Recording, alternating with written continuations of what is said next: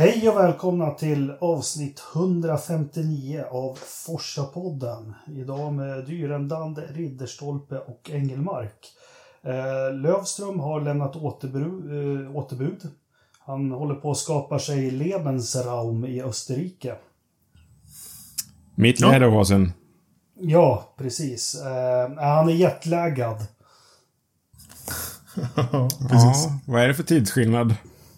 En minut? Minst, min, minst åtta sekunder. Med tanke på att alla hans resor går via Chicago och hyrbil så... ja, precis. Så det, det, det är en bit att åka. Det var inte så att han åkte fast i depån igen? Ja, just ja. ja. Kanske sitter... Ingenting som han har berättat i alla fall. Nej, men han kanske sitter där och skakar galler. Vad, vad- vad vet vi? Ja, vi vet ingenting. Ja. Vi får väl ha någon Swish-insamling snart för att lösa ut Säkert. Ja, ja, vi har en ganska diger agenda idag. Vi har lite Formel 1 från Österrike. Vi ska väl snacka lite um, Indycar och eh, ja, lite annan motorsport. Men vi börjar väl med en pudel från dig, Joakim. Eh, Det blir svårt, för jag var inte med i senaste podden och då blev det inga fel. Nej. Fast Nej. sa, då får väl jag och Ridderstolpe pudla att vi sa att vi hörs om en vecka igen. Ja, just det. Det är bra. Det är en bra pudel. Mm. Mm. Ja, för det, det höll vi ju inte riktigt i alla fall. Och det är väl först då, dåligt av oss. en eller två gånger av oss amatörer som inte kommer ut i tid. Och vi beklagar det, men vi fick helt enkelt inte ihop det. Eh, Så fort man ska ha något roligt så kommer livet emellan, brukar en kompis säga. Ja, Ja, ja. Så är det. cyniskt. Eh, Formel 1 i Österrike. Ska vi börja hissa och dissa lite och ta oss an helgen åt det hållet? Har vi någon... Ridderstolpe, har du någon du vill hissa?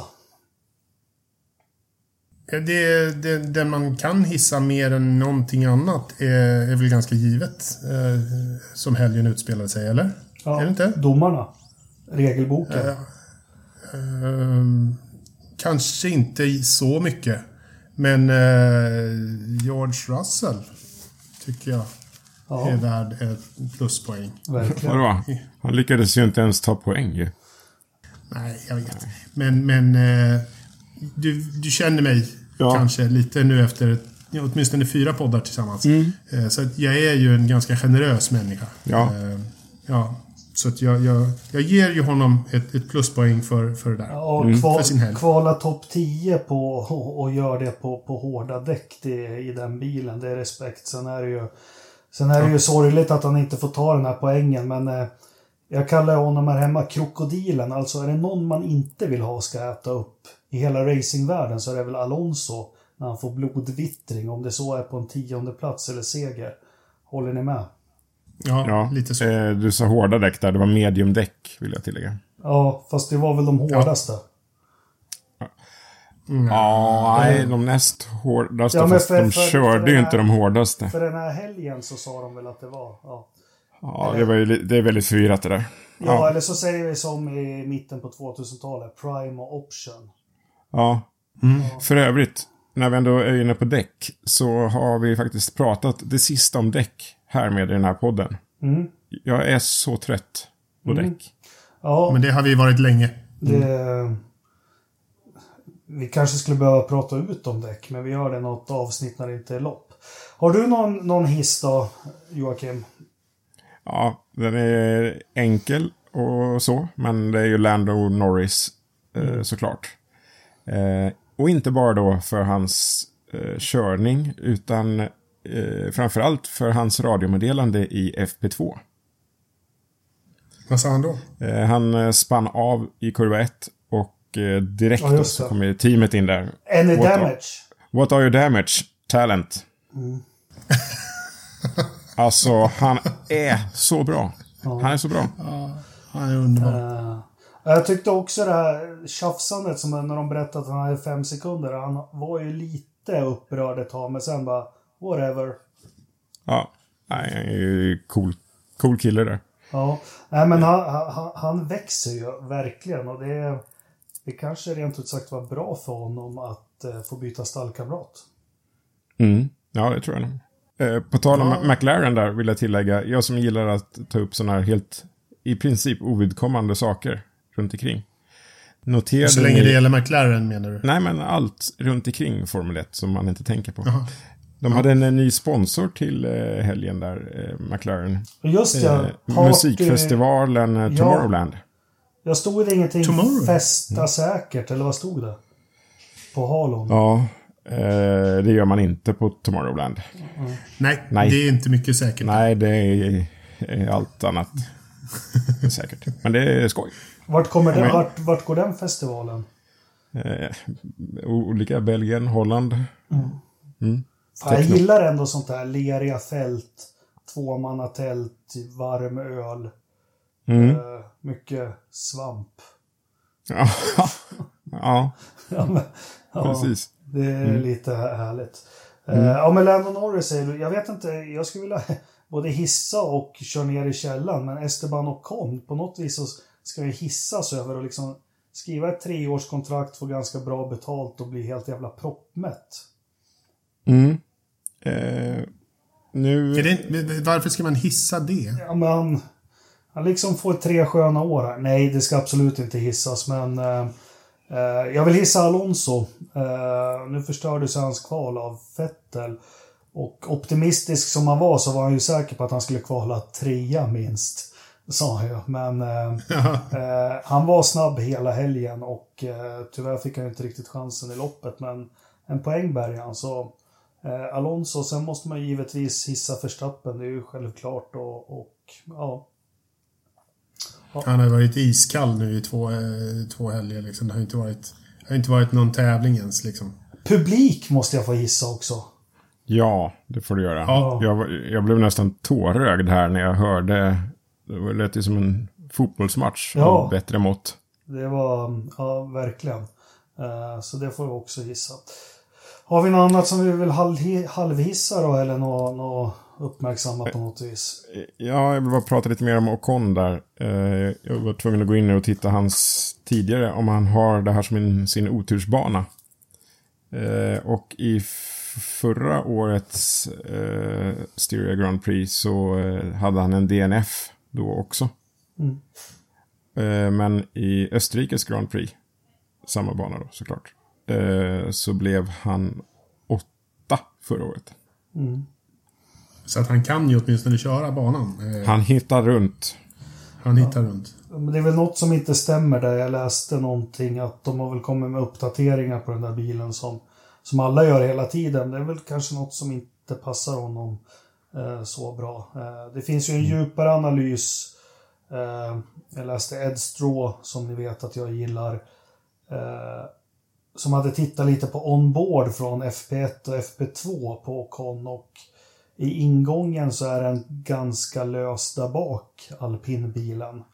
Eh, och det föranledde, det var ju van Dorms problem mot Alonso, liksom att han inte kunde hantera lös bakände i ingången till kurvor. Det är mycket vi inte vet. Ja. Det är mycket vi inte vet. Eh, såg ni, eh, eller jag såg Viaplay där de hade gjort en djup analys av data där tillsammans med min bekant eh, Jonas Jarlmark. Nej, det missade jag. Eh, otroligt bra förstudio den här gången. Rickard Rydell som har haft Jonas Jarlmark som sin eh, race manager eller ingenjör. Eh, de gick igenom vad man kan kolla på när man går igenom grafer och hade då fått tillgång till eh, Verstappen och eh, varv och eh, det var två andra förare också. Och så gick de igenom då gasbroms, styrvinklar eh, och sånt på varvet. Mm. Och visade var de tappade och var de kom ikapp och grejer. Nej, det var Alonso var med också. För där såg man när han eh, gjorde sitt kvalvarv där när han blev uppehållen då. Mm. Eh, hur kurvan drar iväg liksom. Sånt där är sjukt intressant och det var bra för mig att se. För jag fick ett sånt där graf när jag körde den där Porsche 718 på Anderstorp. Jag hade inte riktigt kunnat tyda den förrän nu då. det var lite sent att förbättra varvet, men det var väl bra. Det här har vi ju diskuterat för flera hundra avsnitt sedan, men alltså det, det finns ju data på allt nu. Precis allt ser de ju med sensorer och så, men alltså risken det här att de är ju smarta de här killarna, så det är klart att jag kan titta på Bottas tittar säkert på Hamiltons graf och kan säkert härma det, men sen är det ju det som är den största skillnaden, det är ju köttet som sitter mellan sätet och ratten. Mm. Det är, det är, ja, det är lurigt det där. Men vad, vad kom de till för slutsatser i Viaplay? Eh, Det de pratar mest om är då Ricciardo versus eh, Chuck Norris. Mm. Och det är väl det det har pratats om överallt. Att eh, man trailbreaker, eller alltså man ligger på bromsen in i kurva. Eh, För att flytta tyngden framåt in i kurvan. Och där är Norris överlägsen. Han kan hålla bromsen längre och balansera bilen in i kurvan. Medan eh, Ricciardo typ bromsar före och släpper av och ja, coastar är väl fel uttryck eftersom de går på gasen ganska enormt. Men det Men- finns en differens där. Han Men ja, han är, inte. han är en classic driver. Han bromsar i rak linje och eh, släpper pedalen och går in mot Apex och sen gasar ut. Mm. Eh, det där är, jag kommer ihåg på 90-talet jag läste ja, en föranalys. Den som var först med att köra liksom och, och man kan ju säga att de styr in ganska tidigt i kurvorna de också. Nigel Mansell körde väldigt mycket så. Mm. kan vara intressant att veta. Eh, Men jag tror ju allt det här är, nu ursäktar jag mig, men allt det här har med dagens däck att göra också liksom. Vänta, nu nämnde... Vad sa du? Ja, men, Nu, nu, nu, var det, nu, nu blev det ja fast konstigt vi här. måste komma, vi måste komma till det. Eh, idealspår är inte vad de var för tio år sedan på grund av däcken. Eh, jag tycker man kan se att man försöker leta sig igenom kurvan på ett annat sätt än klassiskt just för att inte belasta däcken i sidled under någon lång tid. Förstår ni vad jag menar? Mm. Eh, Och det är väl det som gör Hamilton så himla bra mot Bottas. Eh, och det skulle jag vilja se data på hur, ja, om det nu är sido-G eller vad man ska se, liksom hur radien på kurvan, hur olika den är. Mm. Ja, nu, vart, det- nu vart det flummigt, men jag har tänkt mycket på det. Jag tror de här Pirelli-däcken, nu ber jag om ursäkt, de är så sköra. Eh, så att du måste hitta ett annat sätt att liksom köra dem genom kurvor. Ja. Och värre blir det nästa år när vi får mycket, mycket mindre däcksida. Japp. Eh, Blir det värre då? ja. Ja, ja, eller... Borde det inte bli styvare Jo, eftersom det, blir, är det mindre... blir ju stivare, men du har ingen... eh, Det blir enklare i kurvorna. Du har inte lika mycket temperaturuppbyggnad i Nej. däcksidorna liksom. Du kommer inte smeta ut däcket på samma sätt som de gör nu. Eh, så det var häftigt. Eh, jag måste bara säga, apropå däck, det är det sista, men eh, jag rekommenderar alla lyssnare att, som bor i Mellansverige, åk och kör hyrkart i Enköping. Eh, de kör med riktiga däck. Vilken jävla enorm skillnad det var att köra. Herrejösses mot vanliga hyrkartsdäck. Det var häftigt. Och så fick man lite graining också, det tyckte jag var tufft. Mm, nice. Ja. Nej, men man kommer väl in på det här med däcken. Jag är också våldsamt trött på att anledningen till att man är trött på det är väl att det är alldeles för komplicerat för att förstå. Det, det, det verkar som att det är den enda faktorn som spelar roll. Det är väl mest det jag stör mig på. Att det finns ingen, ingen variabel som vi pratar så mycket om som eh, i enskild variabel som däcken. Vi pratar, vi, vi pratar ingenting i jämförelse som liksom gas, broms eh, och, och liksom vägval i kurvor eller någonting. Ingenting är i närheten av, av däck. Allt är, det är bara däck hela tiden. Ja. Eh, Gergely Farkas eh, på eh, den andra podden, Indiepodden, har gjort ett inlägg i Forza-poddens eh, tråd på Facebook idag om eh, det här med däck. Bra diskussion där. Så vi, vi låter lär- den vi vara tar där. den där. Vi, vi, Där. vi, vi, vi tar den där ja, men det är som sagt vi... Pirelli har ju faktiskt fått det. Jag, jag tror de har fått en ganska... Eh, ja men de har fått en beställning på vad de ska göra för däck. Eh, helt enkelt. Och det är Mm. utifrån det här loppet som var i Kanada 2010 eller 11 vad det var. Eh, och meningen var väl att de däcken, liksom det här The Cliff man pratade om för 5-10 år sedan. Eh, Eh, men det verkar inte vara så. Strunt i samma. Eh, lite andra hissa och dissa. Jag tänkte om vi ska köra ner några i källaren eller köra ner något i källaren då. Eh, som hade med loppet att göra. Och eh, då vill jag ta det här, också jättetråkigt att diskutera, men de här fem sekunders straffen på dels Norris och eh, eh, Perez fick ju två stycken. Jag tror mig jag missuppfattar reglerna. Eh, jag trodde inte att det var så att om du ligger på inner så får du liksom inte gå ut i kurvan. Nej, jag fattar inte det där. Förstår ni? Du måste alltid lämna en bilbredd om det är någon bredvid dig. Ja. Men det som är problemet är hur högt upp bredvid dig är den andra bilen. Ja. Och, och Ja. Vi tar första då, Norris, första läget. Mm. Vi säger att vi alla tre är införstådda med att precis så är regeln. Okej, kommer någon upp jämsides med dig och ska göra en ytterrökare, då måste du lämna plats. Vart ska Norris ta vägen? Eh, ja, eh, han har ju dedikerat sig att gå där. Han Ja. kan inte börja lägga på mer, vad blir det då, höger än vad han Mm. redan gör. För ett, han accelererar, bilen går automatiskt ut mot vänster. Två, ska han börja styra höger. Var, det- var det någon till höger där? Det var det inte va? Nej. Nej, det var det inte. Bottas var inte, nej han var längre. Ja. Nej, det var inget. Det var Det bara var, dem. det var fritt där, den gången. Eh, men nej, eh, för honom att gå mer höger där, det hade kostat enormt mycket. Han hade varit tvungen att släppa upp gasen och verkligen gira höger för att ge plats till någon annan. Det vill säga, jag likställer det med att släppa förbi en annan förare. Och, Min analys är att de dömde fel. nej, men Sen de, var de de- tvungna att göra likadant på Perez en gång. Och den hade de kunnat släppa den första och sen hade de kunnat sätta Perez för den andra. För två gånger kanske lite väl. Men du som har kört lite sådär också. Jag har ju sett och kollat på de här situationerna. Men Lando Norris kommer där. Han går in lite till mitten för att täcka, inte jättemycket. Men sen som det är, jag hatar ordet, men när han börjar committa till kurvan. Alltså titta in mot Apex. eh, och titta ut mot utgången. Då kommer ju Perez upp jämsides. Och då är det ju liksom kört. Det, det, alla de här sakerna vi spekulerar vad han kan göra istället. Det går ju inte. Det är ungefär som när man möter en motorcykel på en kurvig väg. Den motorcyklisten han har committat sig att böja ner hojen si och så mycket och gå in i kurvan. Och lägga om den. Vilket jag faktiskt fick möta en gång med en hoj som lyckades lägga om i kurva. Ja. Till dags dato inte fattat hur han och jag överlevde. Men släpp det. Nej, jag är fortfarande jätteirriterad på den där. Ja, Eh, men, det, var, det var en skit, det var en skitbedömning. nej, men de Eh, har som- ju stöd men- i regelboken och, och, och, och det är det här eh, Palmer, vad, är, vad heter han? Joylon? Jo. Jolien. Gjorde en jättebra analys av det. här. Han gör ju alltid bra analyser. Jag rekommenderar dem varmt att titta på dem. Han sa ja, men där efter regelboken så har de dömt rätt. Det är liksom hårt och allting. Men, och så tog han exempel, den här regeln kom för två år sedan och så visade han fem, sex olika klipp. Varför har de inte dömt förut? Och hans konklusion, det var ju att ja, det var ju grus i utsidan av den där kurvan. På tal om det. Förra året här. Mm. Eh, I kurva 3.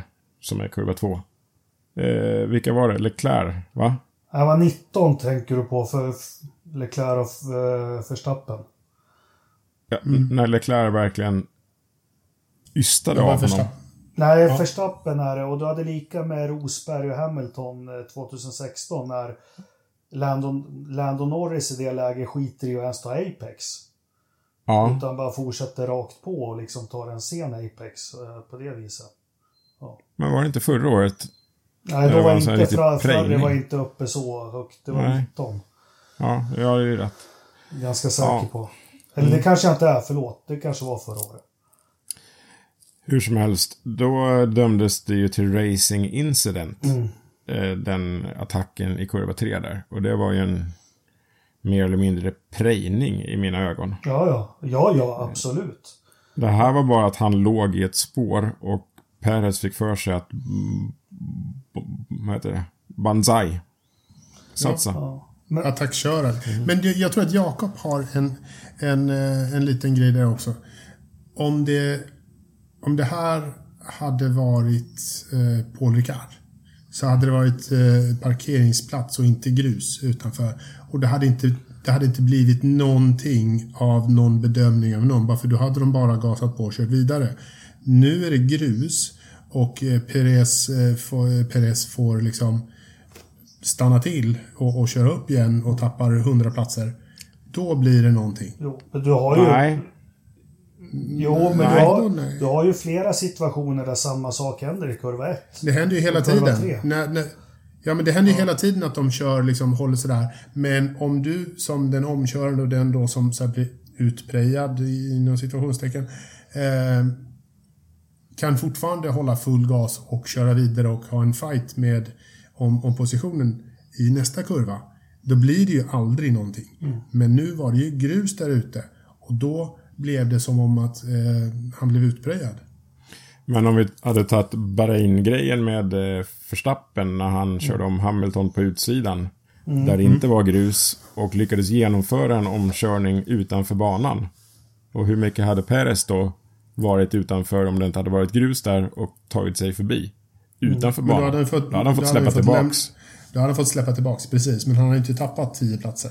Nej, men Nej, det. Och, och plus, men den här plus femman kom ju bara för att eh, det inte var eh, gräs, grus, någonting annat. Eller gräs eller asfalt. Bara för att det var grus utanför. Tror jag, jag tror att det är en faktor i det hela som spelade in. Och att det här är eh, helt och hållet en, en bedömningssport eh, i, i sådana här lägen. Regelboken kanske du har stöd för eh, sätta plus fem eller inte. Men det är upp till dig som domare att tycka om det är racing incident eller inte. vi hade väl vilket... Eh, nej men det var 2019 är jag säker på som var Verstappen och så. Men vi, vi har ju... Vi har ju eh, exempel på, nu måste jag leta i minnesbanken här, Hamilton, det var den här säsongen han gör en exakt lika ja, grej på Verstappen som försöker en ytterökare och det händer ingenting. Nej, nej, det finns många exempel. Eh, jag, sista grej om det här, om, för min del. Eh, varför skulle Perez överhuvudtaget köra om eh, Norris när hans uppgift är att ligga och hålla bort Mersorna? Eh, det kan man fråga sig. Han skulle ju ha legat kvar där och uppehållit två stycken svarta silverpilar. Ja. Det är hans enda hans, uppgift eh, här. racing, jo, men hans racinghjärna säger ju framåt. Det är klart den gör.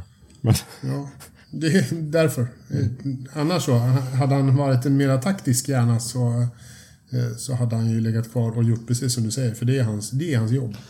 Det är därför han får betalt. Faktiskt. Nu gick min hjärna igång. På- Portimao, 2021 i år. Hamilton gör exakt samma sak som Norris gör. Utan bestraffning. Och det är här problematiken ligger, att jag tror inte förarna själva vet. Eh, jättetrist att behöva snacka om sådana saker, men jag kör ner regelboken och regeltolkningen i, i, i källan. Har ni något att trycka ner i källan? ja, nej, jag är en positiv kille. Ja. Jag har en, eh, en, en hiss istället. Mm. Som ska Ja, gå upp. Eh, shit, nu har jag övat i tre dagar här. Guangzhou. Guangzhou. Guangzhou. Ja, ungefär. Ja, tack. Ganska bra. Som tog Alonsos stol i FP1. Mm. Med den äran. Hur gick det fan då? F- eh, 14 va? Mm. Eh, alltså vilken plats han har det är ju av akademisk... Eh, Är det första gången han sitter i en F1 eller har han, har han haft några andra eh, liksom, träningar tidigare? Han har väl ändå hängt med? eh, det är väl första gången han kör en practice liksom på en Så. racehelga. Eh, sen har han väl kört sim så det räcker och blir över för, för Renault. Eh, men eh, ja, 14 blev han ju. Alltså jag måste säga, jag... I, för ett par år sedan så tyckte jag inte alls eh, om honom. Jag tyckte inte riktigt att han, att han var värd eh, den platsen han hade och stolen han hade. Men sen förra året och i år och eh, kanske lite till så har han ju faktiskt växt och mognat och eh, han, han, han börjar ju bli värd en, en och fighta som en sits i, i F1 Mm nu på, på merit, på riktigt, liksom på, på det här. Så att det börjar... Ja, det ser väl inte orimligt ut att han kommer att liksom försöka vara med i, i fighten om någon stol någonstans. Om han har tillräckligt mycket pengar med sig i, i bagaget också. Mm. Ja, ja, kul. Spännande att följa. Eh, verkligen. Eh, vi får väl hissa och dissa här eh, hela tiden. Diss, jag vet inte om det är en diss, men jag vill prata lite Mercedes ändå. Eh, vad hackar det någonstans? I Mercedes motor. Är det där? Ja, Ja. det är där det hackar. McLaren. McLaren. Fuskar Honda? Det höjs ju röster för det. Skulle vi prata Mercedes eller Honda eller McLaren? Jag blev förvirrad. Ja, det har ju, ja men Merca, det, det hackar ju något otroligt mycket. McLaren kör Mercedes-motor, det var det jag uttryckte. Det, där det hackar är i deras aggressiva Arrow. Ja, De har ju en alldeles för... eh, De kör ju med en eh, ladugårdsvägg som det uttrycks här och där. för att de alltid haft en starkare motor, eller? Ja, Ja. precis. De har ju varit de som har legat typ över tusen häst. Mm. Eh, nu gör de andra det. Mm. Och med det nya, eh, marginellt nya då, men ändå nya eh, Aero-reglementet så eh, har det, den omställningen blivit till andras fördel. Ja. Ja, Men för, försöker de, eh, alltså så här. Det, vi, det har vi ju pratat till, till leda om, liksom att eh, Aero-reglementet förändrades till fördel för Rake och, och emot McLaren och, och Aston Martin och sånt där. Men håller McLaren, eller nej, håller Mercedes på att förändra nu så att de försöker eh, härma efter och lyckas inte riktigt? Eller eh, vad händer? Liksom, är det det som gör att de inte... Att det blir problem? Liksom, försöker de apa efter en, en Red Bull? Jag vet inte, jag, jag, jag förstår vad du menar men jag tror de är... Först har de, har de fastnat i sin egen briljans och smarthet tror jag. De är fångna i den. Sen blir man ju lite orolig när man får höra att Lewis var, var, var hemma på fabriken och körde simulator mellan de här två loppen. Undrar när han satt i den sist. Ja. ja jag, jag, jag håller helt med dig. De har fastnat i sin eh, briljans. De har, har svårt att tänka utanför boxen. Och sen tror jag också att de har committat sig till eh, 2022 i en väldigt, väldigt hög grad. Eh, Så att Tror du på det? det är väl best of the rest som är kvar och jobbar med årets bil. Ja, men... Fast är inte den färdigjobbad ändå? Och, ja, jag vet, den där diskussionen tycker jag är svår. Det har man, man har ju sett det historiskt hur, hur folk har tappat inför ett nytt reglemente då. Men eh, ja, de har ju några uppdateringar som kommer, men Hamilton var ju inte så positiv till dem utan kommer inte ge halvsekunden. Men sen måste man ju även titta på att alltså, han är i hög form för stappen också. Ska man jämföra bilarna så kanske man ska jämföra Perez och Bottas. Och där är det ju ganska jämnt mellan dem. Mm. Nej, Hur som helst, jag tycker inte det... Eh, jag känner lite att hela diskussionen är lika rolig som att prata om de där runda svarta sakerna. Mm. Eh, det, det, det gör mig ingenting att de är lite på efterkälken, för det är så sjukt roligt att ha Red Bull och McLaren där framme också. Ja, Ja. eh, jo men ja, ja, jag tycker också det är skönt när en dominant faller. Men eh, de skulle gärna få falla lite saktare. Det skulle gärna få skilja en tiondel emellan istället för fyra. Men det är klart, det är två lopp på en bana som Red Bull har gått, gått bra på. Nu, nu kommer vi till Storbritannien och alla britter de får ju två sekunder extra på varv säger de ju. När de kör på hemmaplan då. Eh, så det ska bli spännande att se. Jag hoppas även att det är spännande att McLaren kan göra sådana framsteg över en helg. Som de gjorde. Om det beror på de där jättetråkiga runda svarta eller om de hittar något annat. Men jag hoppas att de kan hålla den här takten. Eh, Mm. Lando Norris och McLaren. Mm. ja, absolut. Men när vi snackar med McLaren, någon har ju skrivit i vårt förmanus här nu, jag vet inte vem, men kräftgången fortsätter. Ricciardo och Ocon hopplöst, hopplösa igen. Hörde ni eh, Ricciardos teamradio i, eh, under racet? Nej. Det var mycket, vad heter det, boost of Ja, jo, jo, self-confidence. ja, det hörde jag. De är ju... Det är ju som om de har en tre eller en ettåring som lär sig gå i bilen. Ja, shit vad duktig du är. Ja. Åh. Shit, du är så bra, du är så bra. två Grymt till. Ja, ja. Ja. Det var ju nästan larvigt ju. Är inte han smart och gammal nog att liksom nästan inte bli boostad av det? Jag tror att det är precis det som... Det, det är mycket av där det ligger liksom. Det har satt sig i hjärnan på honom nu att det, att det, inte, att det inte lirar. Han ser på de andra som bytte stall till den här säsongen hur de kanske hade... eh, Sainz hade lite tufft ett par eh, lopp men är, är på bollen ordentligt. Perez är på bollen ordentligt. Eh, och Ricciardo, han, han missar ju det öppna målet hela tiden. Eh, liksom så här, han kommer aldrig i, i, in i matchen. Liksom, så jag tror att han, han börjar liksom svikta. Hur stark man än är mentalt så, så, så sätts det eh, någonstans i, i bakhuvudet liksom att det inte är bra. Så att det, jag tror att mycket av, av hans problem ligger just i att han inte riktigt tror på sig själv. Eh, just nu. Och han fick, han fick ju kritik när han gick, ja, dels från, från eh, Red Bull till Renault då, men han gjorde ju sina två år hos Renault. Sen, eh, många var ju frågande till McLaren och jag tror att han såg sig själv innan säsongen startade som den här helgen, att när han ser att bilen hänger med. Det var det han hoppades på, då skulle han kunna knipa en seger.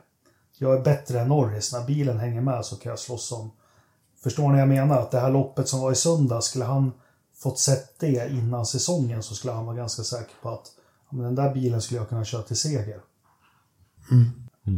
Och så blir det helt tvärtom. Men han har alltså svårt i, i bromszonerna, det är där problemet ligger.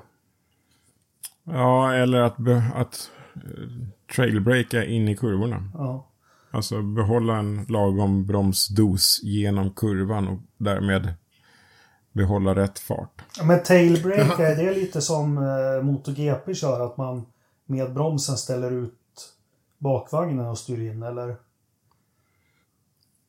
Alltså du ligger med, du bromsar ju hårt inför kurvan, Ja. du flyttar fram vikten till framvagnen. Ja. Men sen så när du går in i kurvan så håller du kvar broms. Alltså det är lättare.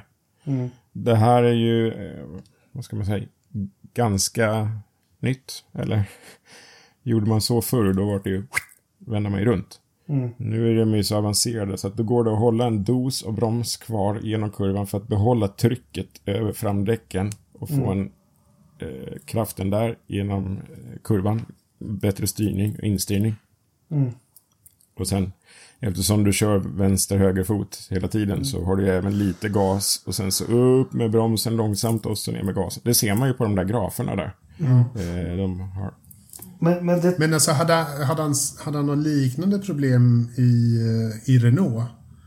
Eh, tidigare. För att han kom ju inte igång i Renault förrän i, i slutet eh, på sin, sin, sin session där. Liksom. Han har... Han, gjorde ingen, han hade ju problem redan eh, alltså, tidigt där också.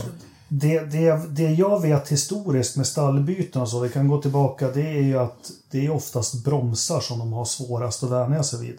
Man tror ju att det är bromsar hur som helst. Och när jag testar att spela sim, något jag också har förstått, och du har ju kört på riktigt Joakim, men det är slå ner pedalen kan alla göra på samma ställe. Det är hur du kommer av pedalen.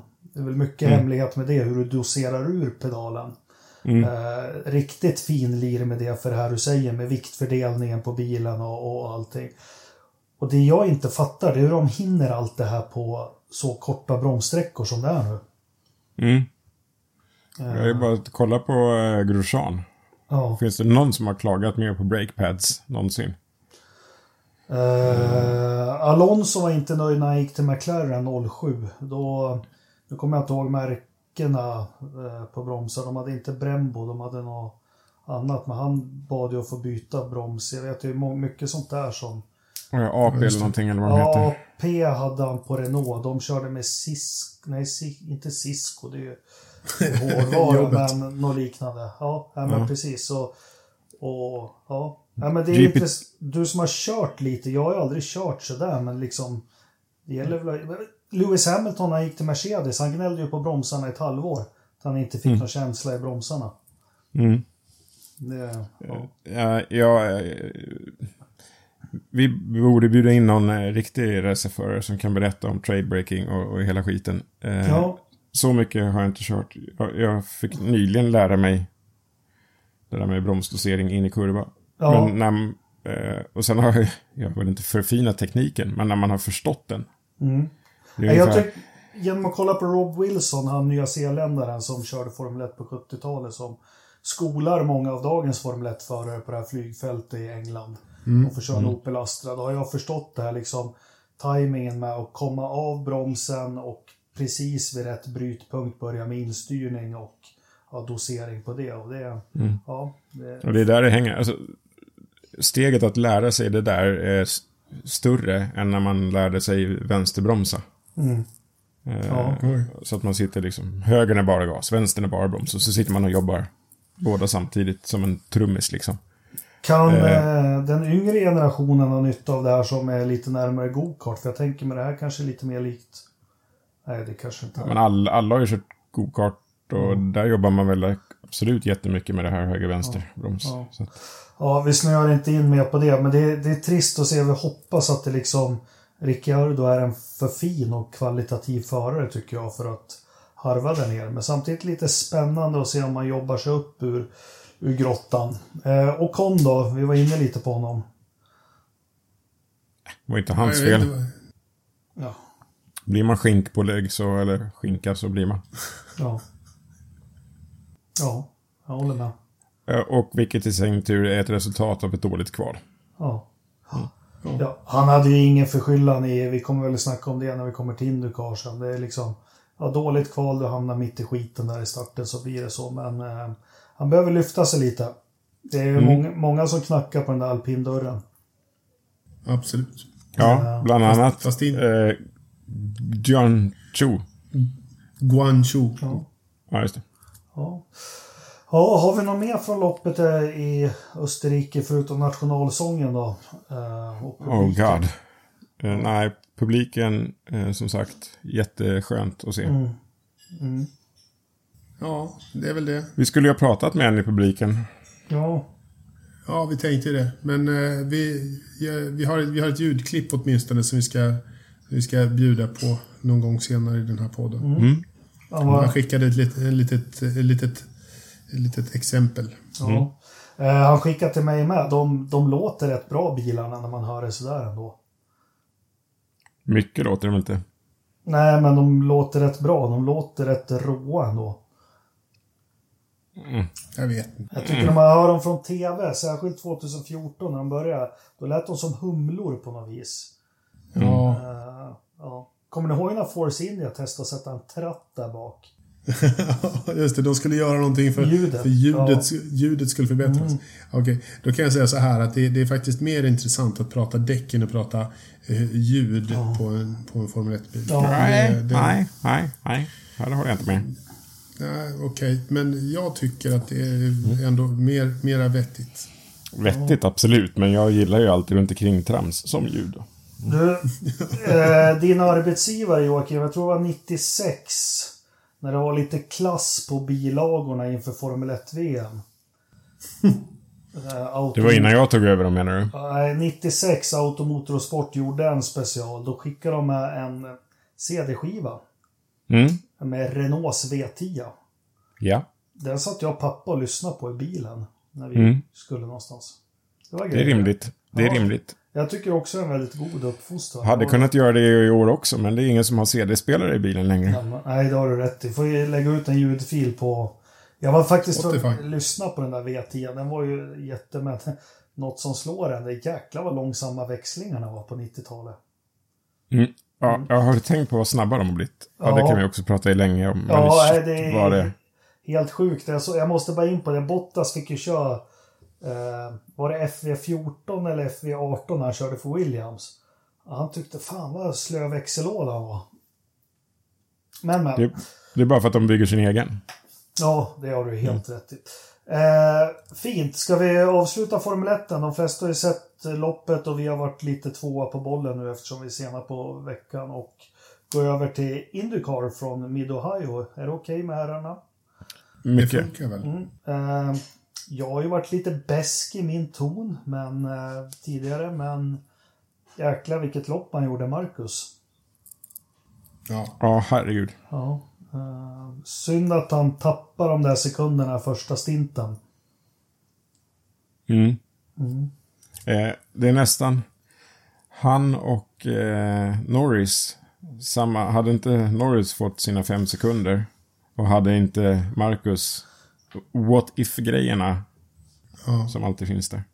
Ja. Fast nu har, vi, nu har vi resultatet, det man har bankat lite på Marcus och kanske spekulera i, i våran podd och överallt. Liksom. Nu, nu kvalar han topp tre. Eh, sen spände han ut den rätt bra mot Dixon också i starten, vilket jag var imponerad över. Mm. Ja, det, det, jag var övertygad om att han skulle vika ner sig Ja, ja. I, i starten. Helt liksom. Fanns inte en sportmössa att, att han skulle hålla Dixon bakom sig. Men det gjorde han ju. Det, det var otroligt förvånad över faktiskt. Och det, men det var skönt att se. Ja. Att han hade, helt plötsligt fick han liksom ryggraden och, och armbågar och liksom lite spikklubba att svänga runt med och visa så här, det här är mitt. Om han inte vann för förra loppet, skulle han haft de armbågarna då? Kanske inte. Eh, vi eh, får vänta tills vi får en pratstund med Marcus, men eh, till skillnad mot andra poddar så kan vi hänvisa till andra poddar. Eh, Ja. F1-podden har ju pratat med Marcus. Och Men- det har Indy-podden också gjort. Men i F1-podden så eh, sa han att han hade redan inför start visualiserat att han skulle hålla Dixon-stången. Det var liksom så här mindset. Ja. Och när situationen kom, då var det bara Det var bara att göra. saken är biff. Håll, håll emot. Sa någonting det här att, eh, nu letar jag inte fel, men det, han tappade ju faktiskt segern i första stinten. Eh, ja, sista, var det 6, 7, 8 varven han var lite långsam då? Ja, det var för att eh, de här, eh, vad heter de, eh, de här svarta eh, grejerna. Ja, det var Eh, det. de, de som snurrar på bilen där gick ju av. Ja. Eh, av. De trillade ner för klippan, vet du. Ja, Ja, just det. Den där ja. ja. ja. Och det, Och gjorde, inte- det såg man ju på Newgardens däck sista två varven. Han kunde inte ha haft någonting kvar. Nej, de var tvärslut. Ja. Marcus hade pratat med honom också efteråt och sagt att eh, fan, hade det inte varit för varvningarna där så... Eller det var nästan så att jag fick hjälp av varvningarna att ta dig. Och det, då hade han sagt att nej, nej, nej, det var inte varvningarna. Mina däck var beyond Jaha, gone. han sa att, vad eh, det- han hade inte klarat ett varv till, hade han sagt till Eriksson. Ja, men det är faktiskt jättehäftigt med det här självförtroendet och allting han har. Och sen, ehm, han ligger femma i serien nu. Ehm, och, och nu när han är i zonen, då får han väl panga in lite resultat på ovaler. För där, där har han ju varit stark utan att ha fått resultaten med sig historiskt. Mm. Ja, Han, han hade räknat själv på det här. Om man hade tagit eh, street courses så ligger han trea i mästerskapet. tvåa. Tvåa. Ja. Jaha. Eller street och road courses. Ja, street road. Ja. Ja. Jag tror han är tvåa. Mm. Eh, vilket är häftigt, men det är väl kul för honom att få se lite eh, framåt här. Jag hoppas flytet fortsätter och, och det verkar, jag vet inte om de har gjort några ändringar, men de verkar egentligen ha fått ordning på depåstopp och, och liknande. Det är ny personal där. Det är ny personal. Ja, Eller en gubbe är vitt. ja, Eller, eh, ja. ja, ja. Vänster fram. Jag vet inte om det är en eh, position så, men de har gjort eh, en rockad där och sen är det någon... Det är väl någon sån här self-confidence booster som är där hela tiden. Ja. Kom igen grabbar! ja kom igen. In i kaklet. Nej, men framgång föder ju framgång. Så är det ju. Eh, eh, så är Ja, det. men det är det. Och jag, jag, jag ska ju höra att han har visualiserat det där. Bara för Marcus har ju också jobbat med den mentala biten väldigt hårt i alla år. Det gör alla örebroare. Ja, och även de från Kumla tydligen. Så, men, men liksom det är skönt att, att se liksom att han... Att det funkar på något sätt liksom för honom, att han får ut av det. Bara för det är liksom ett mentalt... Att vara mentalt stark i, i starten och verkligen kunna det där är, är spännande. Ja, men vi hade, ju- jag hade ju en fråga jag gärna skulle vilja ställa honom relaterat till att han är gammal ishockeymålvakt. Så till och med han spelar TV-pucken och det var väl till dig Dyren när jag sa det om du skulle intervjua honom att det här med självförtroende att vara i zonen. Jag vet som en hockeymålvakt när de är i zonen. Då kommer det inte puckar, det kommer badbollar i en kilometer i timmen. Liksom hela tiden. Jag skulle vilja, om han på något vis kunde översätta det till racing. Det skulle vara jätteintressant. Inte bara säga att jag har fått självförtroende utan hur blir det då? Hur blir känslan liksom? Saktas allt ner eller vad händer? Mm. Eh, Ja, men han pratade om det på slutet. Eh, att eh, självförtroendet är inte allt, men det är extremt mycket. Och att det liksom... Eh, får man en sån här boost som man har fått, då går det bättre på så många andra plan. Men jag måste berätta en annan grej här. Just om det där med psykologi. Jag var med Ted Björk nere på eh, ringen när han skulle köra VTCR. Eh, och eh, så frågade jag så här om han hade några eh, startprocedurer. Ted Björk, sa jag det. Ja. Eh, ja, visst. Vet du. När jag sitter där ute på startlinjen så eh, trycker jag på handleden här. ja, tre, try- tre tryckpunkter. Har jag berättat det? Nej. ja, men det är många som gör det tricket. Ja. Och jag bara, vadå? Ja, men då har jag visualiserat tre saker. Och sen eh, aktiverar jag dem här. Ett, två, tre. Och då infaller de. Och jag bara, eh, all right. Och då kunde det vara så här, ja, jag ska få en, jag ska få en perfekt start och ta bilen eh, bredvid liksom. Eller jag ska ha ett, en clean första kurva eller vad som helst. Tre saker. Och sen när jag var på STCC så jag brukar prata mycket med Oliver Söderström som är trevlig förare i Lestrup Racing Team. Och så frågade jag honom om han hade jobbat mycket med det här med det mentala. Och han hade haft en coach innan men nu ingenting. Då berättade jag om Ted Björks tryckpunkter. Och Oliver bara, jaha, ja. Och sen, eh, det här var på Gelleråsen. Eh, och eh, tror du inte han vann, Oliver? Som man kan se i tv-klippet där när Oliver slår upp dörren så kutar han ut. Och sen så står jag med micken där. Då pekar han på mig och sen så gör han så här. Ett, två, tre. Mot handleden. Och så skriker han bara. Det funkar! Liksom. Men den där tror jag är ganska vedertagen i svensk idrottspsykologi. Men jag som hockeytränare har alltid sagt till lagen att spela hockey och vinna matcher, 90% är mentalt. Och resten sitter i huvudet. Mm.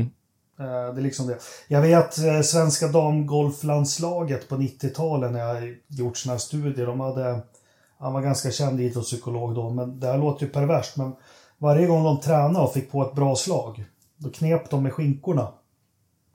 Så varje gång de tränade och fick på ett bra inspel eller driven och sånt, då knep de ihop skinkorna. Och det vart ju också samma som det här med handleden, att när de gick upp på tee på tävling och så skulle slå ut, då knep de med skinkorna. Och då signalerade det att ett bra slag ska komma. Eh, Så det finns mycket, men det är lätt att gå vilse i alla de här grejerna också. Mm. Mm. Ja, Eh, Jag har haft, jag har haft en målvakt jag tränade, han var tvungen att spy så det eka innan matcher och eh, på toa och, och när jag själv spelade hockey, jag hade väldigt mycket sånt där för mig som bara gjorde att jag, det blev, blev sämre. Så jag mm. hitta rätt nivå på det. Mm. Uh, ja, men jättekul med Marcus uh, Newgarden. Han är ju sådär skottsäker som han är när han vinner lopp. Och nu var det ett tag sedan Penske vann, men han har ju lite hugg nu, Newgarden väl. Han gjorde en jättespurt förra säsongen. ja men han är, han är väl eh, med där, men han sa väl att han behöver ett, antal vinster. Vad är det? Sju, åtta lopp kvar. Han sa att han behöver väl tre, tre vinster eller någonting eh, av, av resterande för att verkligen sådär. Men det var också lite roligt nu så att Team Penske, de hade ju 50-årsjubileum Jaha, eh, den här helgen. Var det därför bilen var så jävla snygg?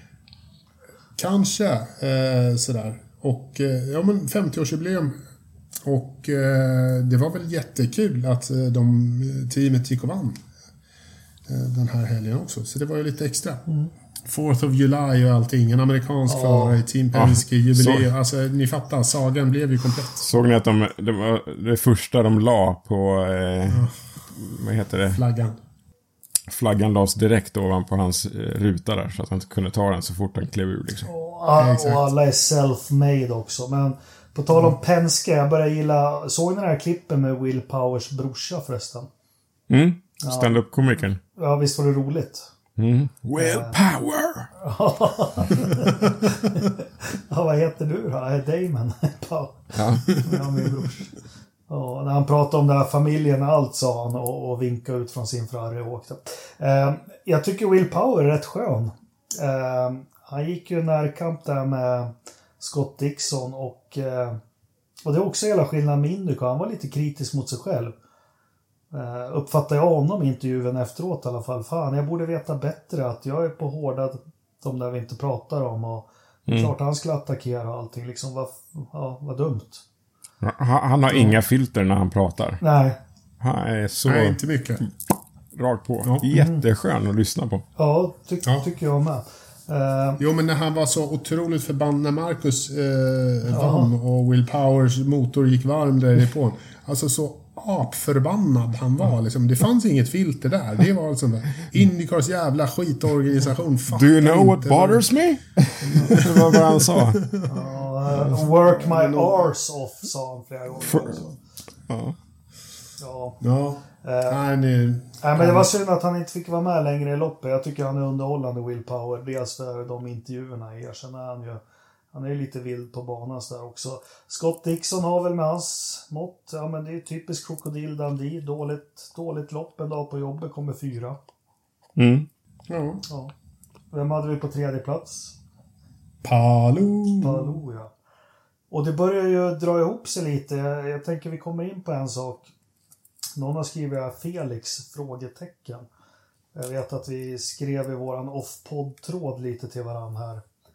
Eh, och höga förväntningar på Felix från hela omvärlden och allting den här, inför den här säsongen. Men nu leder han som satt i fjolårs tian där som Felix körde. Han leder mästerskapet och hans stallkamrat är faktiskt tvåa och kräftgången fortsätter för Felix.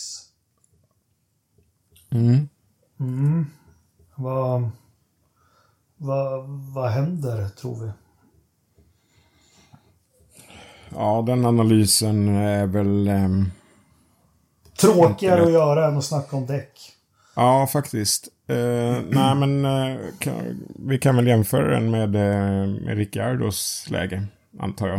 Eh, det är väl en annan bil än den han körde förra året såklart, men trodde inte det skiljer så mycket mellan Indycar-bilarna som det skiljer mellan F1-bilar. Mm. Eh, Men kanske ändå. Det är väl någonting... eh, Alltså, han har ju farten. De andra bilarna i teamet har farten. Eh, Men det är någonting som inte faller på plats för honom. Han har farten, han har talangen, han, han vet hur han ska göra och, och allting sånt där. Liksom. Men någonstans eh, är det nog, precis som du sa, liksom en jämförelse med Ricciardo är ganska bra. Jag tror att det sitter, det har satt sig i huvudet också på, på Felix nu. Han har haft någon krasch eh, i, i de senaste åren sådär som har gjort honom lite eh, illa. Eh, jag tror att den senaste kraschen också eh, gjorde honom fysiskt illa också, på, på riktigt. Liksom. Jag tror att han blev skadad eh, i, i den kraschen. Och jag vet inte om han är helt okej efter den heller kanske, man ska addera. Men jag tror att mycket har börjat sätta sig i bakhuvudet på honom, precis som det sitter i bakhuvudet på Ricciardo. Att det är liksom, som gör att han är senare på bromsen, eh, liksom, eh, senare på gasen. Så här, vågar inte attackera när det är ett läge som han tidigare har attackerat i. Och liksom, vilket gör att han inte får lägen och sånt där. När man blir lite på bakfoten så blir ju allting på bakfoten. Precis som Marcus nu har kommit på tå ordentligt så blir ju allting lättare. Om du kommer lite på bakfoten så blir ju allting det lilla, lilla svårare. Och då blir det ju lite sådär. Så att, men för att se det lite positivt så är det så här. Det krävs inte jättemycket för att man ska byta. Att från, komma från bakfoten till att hamna på tå. Du behöver en framgång. Och då, då kan du vända allting som kungen vänder ett blad. Och då är han liksom där igen i in the zone. Som Marcus eh, befinner sig i just nu. Så, så att jag, jag tror ju eh, fortfarande av hela min kropp och själ att det är liksom, han behöver en framgång och sen så ska han... Eh, så, så finns det fortfarande världens möjligheter att han kan fortfarande se på den här säsongen som en okej säsong. Just nu är den allt annat än okej, men den kan fortfarande räddas. Men jag, jag tänker, och alla vet ju, jag är den största Felix-supporten sen han med låsta hjul gick om Will Power i sitt debutlopp. Eh, men jag har lite svårt att se något ljus i tunneln. Sen blir man första säsongen och lite andra också. Men han var ofta med i Fast Six och det var... Och så blir man så här trettonde plats i kvalen. Men vad fan vad besviken man blir. Så börjar man titta. Det är hans bästa kvalresultat i år. Mm. Eh, och, och, Han, och, behöver en, han behöver en sån här raceingenjör som är överdrivet positiv på teamradion under nästa lopp. Ja, men ehm, ja. Det skulle vara kul att veta vad det är som inte, för det är lite för stor skillnad mot Patricio. Mm. Det. Eh, så ja, vi, vi, hoppas, vad, vad nästa lopp? Är det ett ovalrace va? Nej, nästa lopp är Indy. Indy GP. Är det nu till helgen eller, om, eller har de uppehåll? Nej, det är sommaruppehåll nu. Ja, just det. Där. Ja. Ja, Nej, nej, nej. Nästa lopp är ju, i, det är ju, det är ju premiär i, vad heter det, Nashville. 8 augusti. just det. Så var det. Eh, Det är, Big det? Machine Music City Grand Prix. Ja. exakt. Ja. Jag såg det också och jag kom fram till att det måste vara i Nashville. Ja, men då får han lite tid att läka ihop och för en sån för Marcus är det väl jättetrist att det inte kommer lopp varje helg nu och tugga i sig. Ja. Men eh, ja, jag hoppas de inte har några konstiga klausuler i, såna här, i kontrakt och så med poäng och grejer. Men man behöver kanske inte vara orolig för det. Att de inte sitter Eh, säkert. det, det där, den där debatten tycker jag är helt ointressant också. Det är, Bara för att man har en liten halvdålig säsong. Eh, Kan, eller, eller dålig. Ja. Mindre bra säsong. Så åker man ju inte ut ur Indycar. Man kan köra där i flera år. Ja. Kolla, på, kolla på Max Chilton. Ja. Ja. Det, Men det är därför jag inte heller är orolig att Felix kommer inte åka ur efter den här säsongen. Jag är Nej. inte det minsta orolig över att han kommer att sitta kvar eh, många år. Eh, liksom, han har allt som man vill ha i en racerförare i ett Indycar-stall. Ja. Det, är liksom, det saknas ingenting. Det är bara det att han ska ha han ska få tillbaka sitt självförtroende. Och, och liksom få den här lilla medgången som gör att han hamnar på tå igen. Och så är han, så är han en contender till, eh, till eh, hela mästerskapet. Definitivt. Det är, jag är tveklöst. Kom igen nu Värnamo. En annan sak med Indycar som slog mig ganska hårt i helgen, eh, som jag vill diskutera med er. Eh, nu har inte jag koll på reglementen och sånt, men jag tycker bilarna börjar se jäkligt omoderna och ja, otidsenliga ut. Vad tycker ni? Indycar-bilarna. Ja, De har ju alltid varit lite gammelmodiga när man jämför, eller? ja men det här reglementet har inte det varit för länge nu på hur de ser ut. Men aeroscreenen är ju ny. Ja, aeroscreen, men jag menar själva bilen som, som bil. Nej, jag kanske har fel estetisk smak, men jag börjar tycka de ser lite yxiga ut. Jo, det gör de ju. Men de håller ju Ja. när man Ja, går ihop, till skillnad mot F1-bilar. eh, Precis. men när, när är det något nytt reglemente på gång där med? För de byter ju chassin efter några år och så. Det är åtminstone ett nytt motorreglemente eh, pratar de väl om. Ja. Eh, att det ska bli mera hybridmotorer. Eh. Men jag tror... Är det från 2025 som, eh, som det ska bli liksom ett nytt motorreglemente? Det, det kan jag ha lite fel i. Men jag tror det. Eh, Så att det, det, det är snack och det kommer att hända saker där också. Absolut. Ja. Nej, det får jag se om det är någon lyssnare som håller med mig. Men jag tycker att fan, det slog mig hårt i helgen. De ser, de ser otidsenliga och konstiga har- ut. Jag har en annan lite, lite spännande, lite sak som jag vill, jag, vet, jag försöker spännande eller intressant och jag, jag kniper direkt på orden för jag vet inte ens om det är varken spännande eller intressa- intressant. Men silly season i Indycar har ju börjat rulla igång ordentligt. Och, och det snackas ju både om det franska och det dansk eh, ganska friskt här. Romain Grosjean har ju gjort en succéartad entré i Indycar det här året. Eh, frågan är, som de flesta kanske inte riktigt vet är, har han ett år eller har han flera år på sitt kontrakt? Eh, med Dale Coyne va? Det är ju inget Eh. officiellt, så att... Nej, Nej, det, det är ju ingen som riktigt vet. Men, men liksom stalltipset verkar ju vara att han hamnar i en Andretti-bil. För de har ju också eh, väldigt klart och tydligt gått ut och sagt att det kommer att ske förändringar i uppställningen av förare till nästa år. Eh, så att Ryan Hunter-Ray var jag också lite förvånad över att han fick ett år till, till det här året. Men eh, det snackas ju ganska friskt och en lågoddsare att eh, Romain Grosjean kommer att sitta i en DHL-sponsrad Andretti till nästa år. men vill man sitta i en Andretti nu för tiden? Varför inte? Um, det har ju inte rosa marknaden senaste två säsongerna väl? Nej, men jag tror att det fortfarande är, är ett av de stallen som du vill sitta i. Där, Penske och, och Chip Ganassi. Mm. Ja, men om vi tänker så här, toppstallen. Ganassi tror jag för första gången på länge. De har ju haft lite förut och in, men liksom Palou, Marcus bör ju få. De ligger väl om etta, trea, femma i mästerskapen nu. Räkna bort Jimmy Johnson. Eh, Penske vet jag inte alls. Han, eh, Kivin har ju inte imponerat här på slutet. Eh, vet ingenting om Will Power, men eh, eh, Pagano och, och grabbarna. Eh, ja, jag tänker på Andretti också. Vad heter det? Kirkland han heter. Som Linus tar. Kirk, Kirkwood. Ja, han är väl Andretti-bunden. Han måste väl vara intressant Absolut. också. Stingray Bob. Mycket. Ja, Ja, jo, visst. Eh, Men, men ja, absolut. Cal Kirkwood är ju en av dem som, som knackar på dörren där. ja men in, intressant. Jag tror ju på killen. Eh, vinner han mästerskap i Indy Light så tror jag att han kan säkra styrning hos Andretti.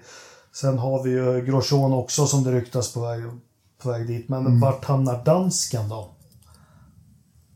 Ja, men alltså han, är han, han hoppade ju in med den äran, så att säga, i, i Arrows. Eh, på Felix, eh, i Felix bil där.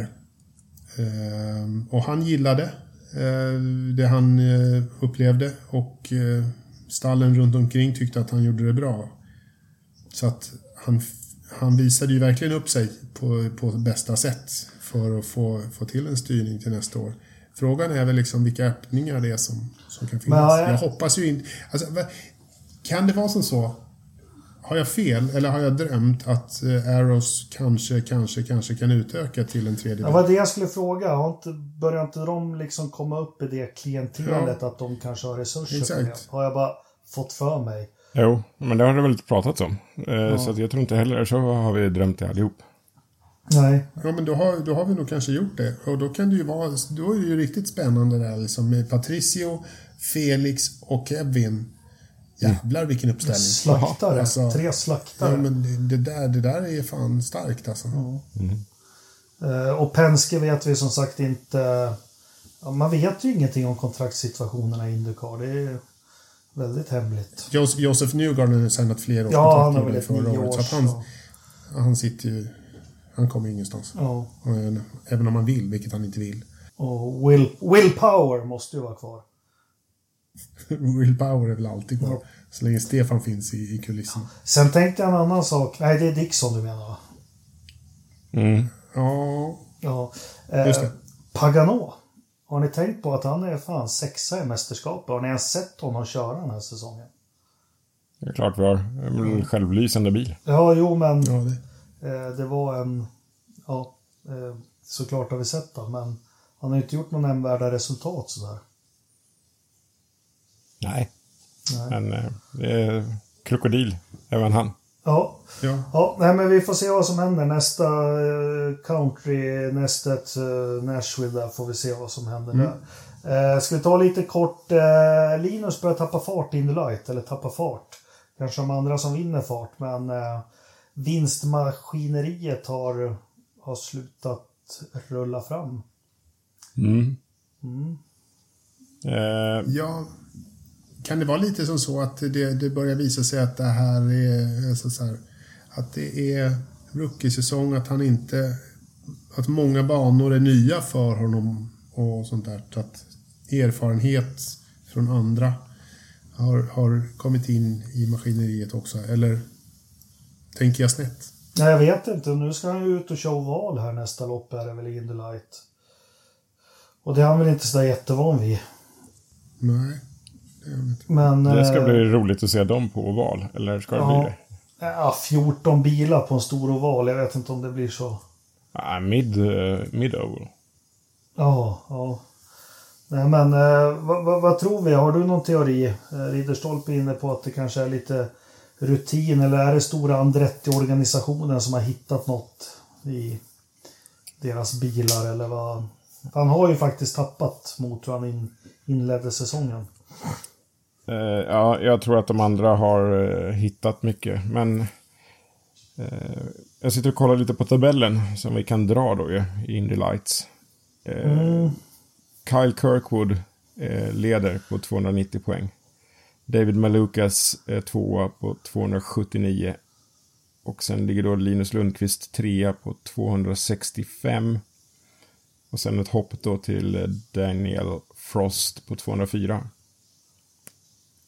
Eh, Kirkwood står ju som rookie i tabellen. Mm. Men är han det? Jag vet inte. Nej, Alltså jag, jag fick för mig att han har kört... Jag- Jag tror att han har kört Indy Lights, eh, kanske inte en hel säsong. Eh, men, men han har kört Indy Lights förut innan. De hade ju uppehåll väl förra, hela förra året var väl ingenting. Mm. Eh, men året innan dess så var han med och körde. Eh, var, inte Dave, var David Melukas också med och körde även 2019? Kan han ha varit... Han står inte som eh, rookie i den här Nej. listan. Det är ju nästan alla som står som rookies. Det är det som är så Mm, lustigt. eh, Men Kirkwood gjorde väl något inhopp. Men sen var han väl eh, Fantomen i det Indy Pro 2000. Eller Ja, U- typ. USF 2000. Så, ja. De två underserierna. Precis. Nej, men det, frågan är väl liksom om, om det är Andretti som har lättat plånboken eh, ordentligt och, och sett till att Kyle... Ja, för de har ju promotat eh, honom stenhårt eh, som the next big thing. Eh, och sånt där. Så det är väl... Det är väl som så att man vill att han ska lyckas. Det är lite grann som, som Ferrari och Mick Schumacher. Eh, liksom. vi, vi vill att han ska in i Formel 1. Vi vill att han ska in i Indy car eh, på riktigt. Och då ser vi till att han kommer dit. Det är bara som så här, skicka över några bra ingenjörer så att det, så att det bara sker. Det kan vara en sån enkel sak. Han är ju fortfarande med i racet och, och det är ett stipendieår i år.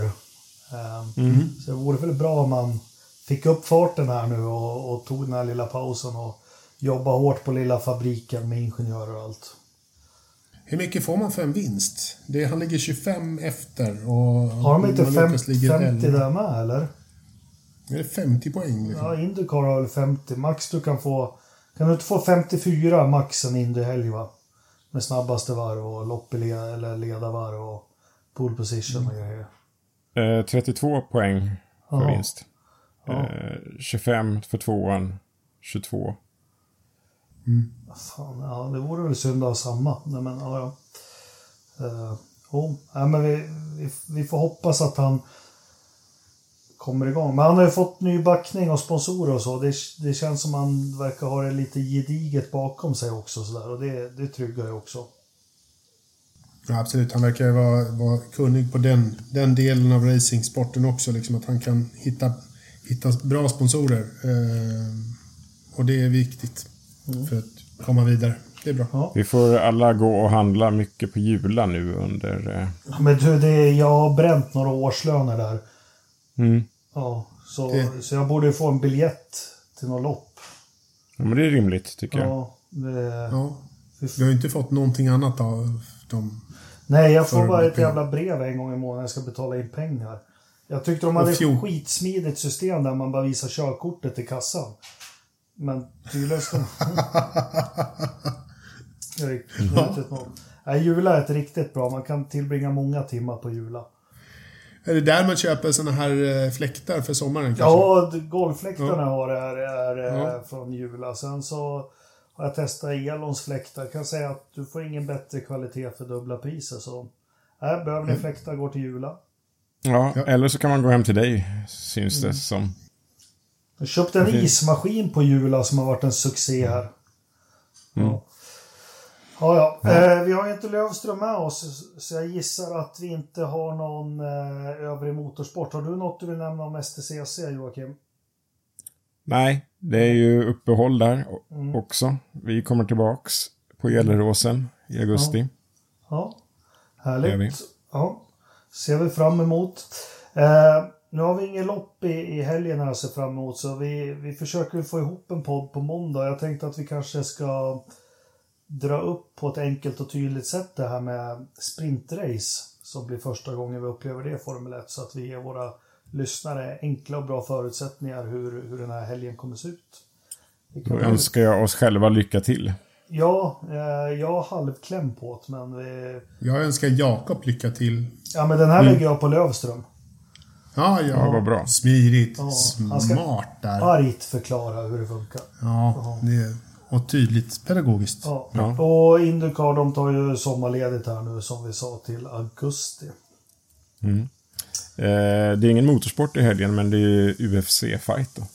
Jaha, vad är UFC? Jag Vad är det för något? Nu, nu, nu, nu är det, nu är det såna svarta Umeå, runda igen. Umeå Fotboll Club. Ja, Nej, det är inte Hanna runda. Marklund. Ok- oktagonformade är ringen, så att säga. Ja, är det i- sånt där de ska slå ihjäl varandra? Ja, nej, det, där, det där får ni hålla på med på er fritid killar. Det där Inte killar, det är... Monster. Jag har sett den där svenska. Eh, vad heter han? Mahler. Mahler. Ja, jag, såg, jag, jag, mötte, jag mötte honom på stan en gång. Ja. Jävlar vad lång han är och vilka enormt utstående fula öron han har. Ja, man får sådana här kolbladsöron direkt om man ligger och gnussar lite på marken. min dotters bästa kompis, hennes pappa är ju tränare och sånt här i Västerås och har mycket killar som satsar på det här, bor hos sig. Så de brukar ju vara i skolan och så ibland. Jättefina killar är det, men för fan du, jag skulle inte vilja bli ovän med en sån som du säger. Stora som hus, jättehänder tatuerade överallt, blomkålsöron och... Ja, Mm. eh, Mm, nej. ja, ja. eh, Men eh, bra att du har någonting att göra i helgen Joakim. Jag är glad för din skull. Äh, Jag ska, fasen det är motorsport i helgen. Om det inte blir regn så kör vi 804 meter på Malmby. jaha, Jaha, men på kör lördag. in... Nej, på lördag? Ja. Ja, det ska väl vara okej väder Nej, det såg skit ut faktiskt i just Men- Malmby. Jag lovar att Anders har till på måndag skaka fram någon jävla serie i Polen eller något som... Han ser någon på, Ja, påbromsning i kurva 3 där av... Ja, jag förstår inte hur han har tid att se allt. Nej. Men eh, jag finns på Malmby på lördag om det är uppehåll. Ska jag vara speaker där för köra fort rakt fram-gänget. Vänta, Malmö, är inte det... Strängnäs. Ja, kanske man ska pipa förbi då. Ja, Vi, vi är flygfältet där. ja. Ja, Malmby Fairway. ja. Kommer jag göra en high five med det? Sån här som de Mm, gjorde i gör. Top Gun. Bara... psh, psh. Ja. Ja. Eh, 17,8 eller 17,6 grader inte alls. Har vi någon veckans förstappen? ja, precis. Nu är du snabb. Nu, är lite, nu får jag hålla dig till agendan här. Ja. Som veckans förstappen. Joakim hade ju någonting här. Ja, jag har en Verstappen. Eh, och jag vet inte om den tillfaller Vettel eller Räikkönen. Räikkönen såklart. Ja, kanske. Han måste ju ha fått en stroke för fan. Ja, det pratas om det. Men eh, nu är det andra gången i år som han är synskadad. Ja, En träsprit, gång satt han kanske satt och pillade på ratten igen då. träsprit vet du. Ja, inte bra det. här. Midsommarhelgen var, var lite sen. Eller så satt han, han kanske satt och tänkte på frisyrer, inte fan vet jag. Men nej, det där är ju... Ja, det är bara pinsamt ju. Ja, det kunde faktiskt sluta illa. Ja, det vart ju inte gratis tror jag. Nej, nej. Nej, precis. Nej, han tar ju egen ficka. Det var ju inga fattiga gossar som... Nej, det är det inte. Eh, Ridderstolpe, har du någon förstappen? Nej, eh, eller jo. Den här intervjun eh, är en förstappen för mig. Med Mazepin. För Mats Epin ska inte vara någon ödmjuk, trevlig kille, blond kille som står i, i, i häng- hänget där och ger, ger schyssta intervjuer till, till folk och, och är allmänt trevlig. Det var jättejobbigt att se. Men vad det alla tycker är så överraskande, det är ju bara påkli. Alltså, jag skrev ju på skoj att alltså, han spelar ju en roll där. Det där är inte han. Han ska vara ruskig. Nej, jag tror inte... Nej. Men det, det är därför liksom så här, det, där, det, där, det där ger så här. Ja, men det var ju så obehagligt tillgjort så att det inte var... Ja. Ja, Jag tycker fortfarande att han är obehaglig. Ja. Men kommer ni ihåg att jag berättade, när jag satt och kollade presskonferensen inför eh, Spanien var det va? Mm. Eh, när han fick frågan om han skulle bli eh, världsmästare. Och så vart han så här jättefilosofisk och började fråga, alltså djup om potentialen och möjligheterna att komma fram dit och sådär. Och redan där kände jag att, oh, oh, vänta, nej, nej. Alldeles för bra svar. Ja. Eh, och nu igen liksom. För han är ska... väl någon eh, PR-agent i bakgrunden där Ja. som fått några sprutor med doping så han blir trevlig. Fast han är väl egentligen, han är väl i Grab them by the pussy-gänget egentligen. Det är väl där han ska vara. Ja, det är det. Ja, det är precis där han är. Ja, men då säger jag en annan rik bortskämd bara sådär Lance Stroll. Jag tycker han är så tråkig att lyssna på. Jag, jag hissar ju honom för han körde bra sist. Han, han verkar så trött och tycker det är jobbigt att vara miljardärson. Jävlar vad Han är... tätt hår han har för övrigt. Han ser ut som en Mon Chichi när han tar Ja, för fan. Du, tänk dig, tänk dig hans DNA-pool med Ocons. det snackar jag Mon Chichi på riktigt. Ja. Ja, hjälp. Ja, vilken bild. Ja, ja, jo, vi får försöka korsa det i något bildprogram. Men det är 17,6 grader varmt i, i Storsäten, Grövelsjön, Sverige. Tau Systems väderstation presenterar det. 60% luftfuktighet ute och väldigt höga 40% inne. Eh, hästarna skenar och i sovrummet är det 23,5 grader Celsius. Vad har vi i datorförrådet då? 25,4. Nej! Ja, förresten kan jag säga.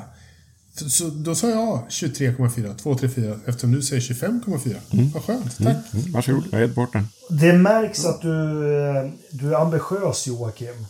Tack. Och det, det kommer ta dig långt. Mm. Eh, Du har forskat, du har gjort din analys och du är väldigt nära. Det är 25,5. Ah, gött. Mm, så nu är det bara in på redaktionsmötet. Så värt det. Och säga Det är så värt det. gubbar, jag har knäckt koden.